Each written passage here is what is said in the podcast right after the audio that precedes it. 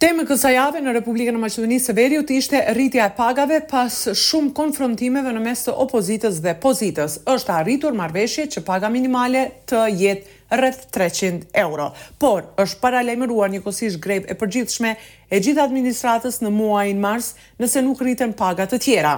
Nga Konferenca e Sindikatave të Lira thonë se problemin me rritjen marramendëse të pagave do të mundohen ta zgjidhin përmes dialogut social me qeverinë. Gjysma e të punësuarve në administratë gjyqësore nga prilli do të jenë me pagë minimale nëse nuk ndodh rritje graduale e pagave të tjera, thuhet nga sindikata, sepse katër pozita pune do të kenë pagë të njëjtë edhe pse kanë kualifikime të ndryshme për vendin e tyre të punës. Kërkohet ndryshim urgjent në ligj për nënpunësit administrativë, pasi nga pesë mijë deri tetë mijë punonjës marrin pagë nën minimale. Nëse nuk ka rritje të pagave, sindikata paralajmëron grevë dhe protesta. Për më tepër ndjekim deklaratën e Jakim Nedelkov. Njësme sindikatë. Jemi sindikatë që duam t'i zgjidhim gjërat përmes dialogut social, por nëse na mbështesin për muri, atëherë do të përgjigjemi në përputhje me rrethanat. ka kërkesa të ndryshme për të shkuar direkt në grevën e përgjithshme. Të gjithë punëdhënësit, pavarësisht nëse janë nga sektori privat apo publik, janë të obliguar që të respektojnë zbatimin e ligjit për pagë minimale dhe për çdo mospërputhje duhet të raportohet tek institucionet kompetente, ka thënë kryeministri Dimitar Kovaçevski. Sipas tij, ky ligj vlen për të gjithë punëtorët në vend, ndërkaq sa i përket zbatimit të tij, nuk ka rëndësi nëse është institucion shtetëror apo privat. Me këtë, tetëdhjetë mijë bashkëqytetarë do të marrin dyzet e pesë euro më tepër dhe kjo konfirmon përpjekjet e qeverisë për luftë me varfërinë dhe mbështetje të standardit jetësor të qytetarëve, është shprehur ai.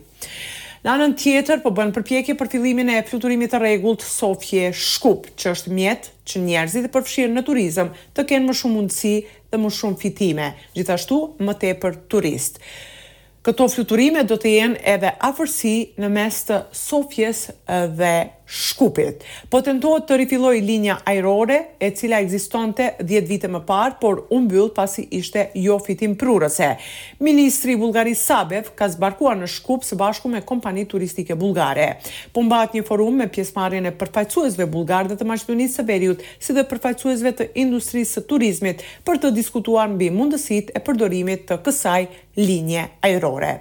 Kryeministri Kovaçevski ka deklaruar se me Republikën e Bullgarisë janë hapur proces të negociatave duke u formuar grupet e punës, të cilat punojnë në fushën e ekonomisë, infrastrukturës, transportit. Gjithashtu po realizohet edhe fluturimi i parë ajror. Ndërkohë sa i përket Komisionit të Historianëve, është mirë që t'u lihet historianëve që të flasin për historinë dhe politikanët për politikën, ka thënë edhe Kovaçevski, po edhe ministri i Punëve të Jashtme, Bujar Osmani. Kryeministri bullgar Kiril Petkov ka kërkuar sqarime njëkohësisht nga kryeministri Kovaçevski rreth heqjes së shiritave nga kurorat e luleve të cilat pala bullgare i vendosi javë më parë në varrin e Goce Dellçev si dhe xhamin e thyer në Qendrën Kulturore Bullgare Ivan Mihajllov në Manastir. Kryeministri Kovaçevski njoftoi se e ka informuar homologun e tij bullgar se policia heton rastin e parë kurse për të dytin është konstatuar se nuk ka prapavijë politike. Dy kryeministrat nuk kanë biseduar për kontestin mes vendeve, por pritet që kjo të bëhet në nivel tjetër gjatë ditëve të ardhshme. Për më tepër ndjekim deklaratën e kryeministrit. Ministritë për Punë të Jashtme do të kenë takim në datat dhjetë dhe njëmbëdhjetë dhe do të punojnë në çështjet e hapura, nëse arrihet përparimi i cili normalisht do të jetë i pranueshëm për të dy palët në bazën e vlerave evropiane dhe respektim të të dy palëve, si të shteteve ashtu edhe të qytetarëve, atëherë Ministria e Jashtme do ta komunikojë. E ndërkohë që përpilohen agjenda aktivitetesh mes dy vendeve, në Kuvend vazhdojnë përplasjet rreth deklaratës së VMRO-DPMNE-së për figurën dhe veprën e Goce Dellçevit.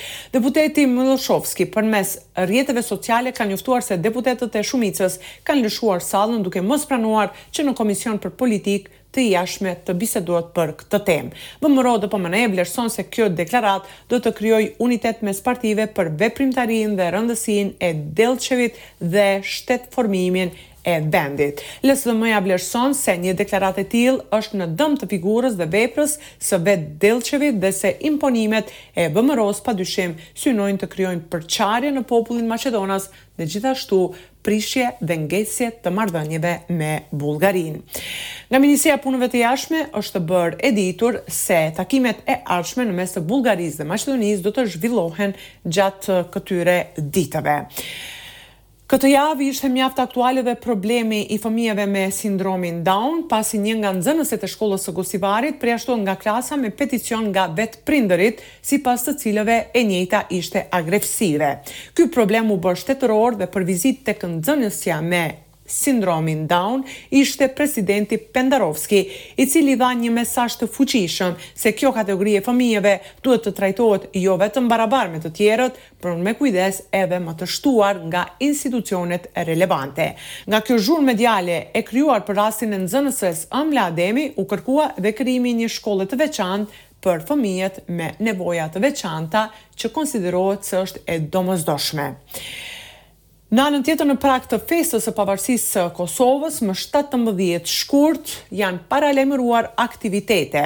Përgatitet aktivitet në Universitetin e Tetovës dhe gjithashtu në Ansamblin Shtetëror të Këngëve e Valleve Popullore Shqiptare në Republikën e Maqedonisë së Veriut. Në bashkëpunim me Zyrën e Zëvendëskryeministrit, paralajmërohet manifestim i madh i quajtur Dita e Plisit që do të mbahet më shtatëmbëdhjetë shkurt në orën pesëmbëdhjetë në Teatrin Shqiptar në Shkup. Për Radion SBS raporton nga Republika e Maqedonisë së Veriut, Besjana Mehmeti.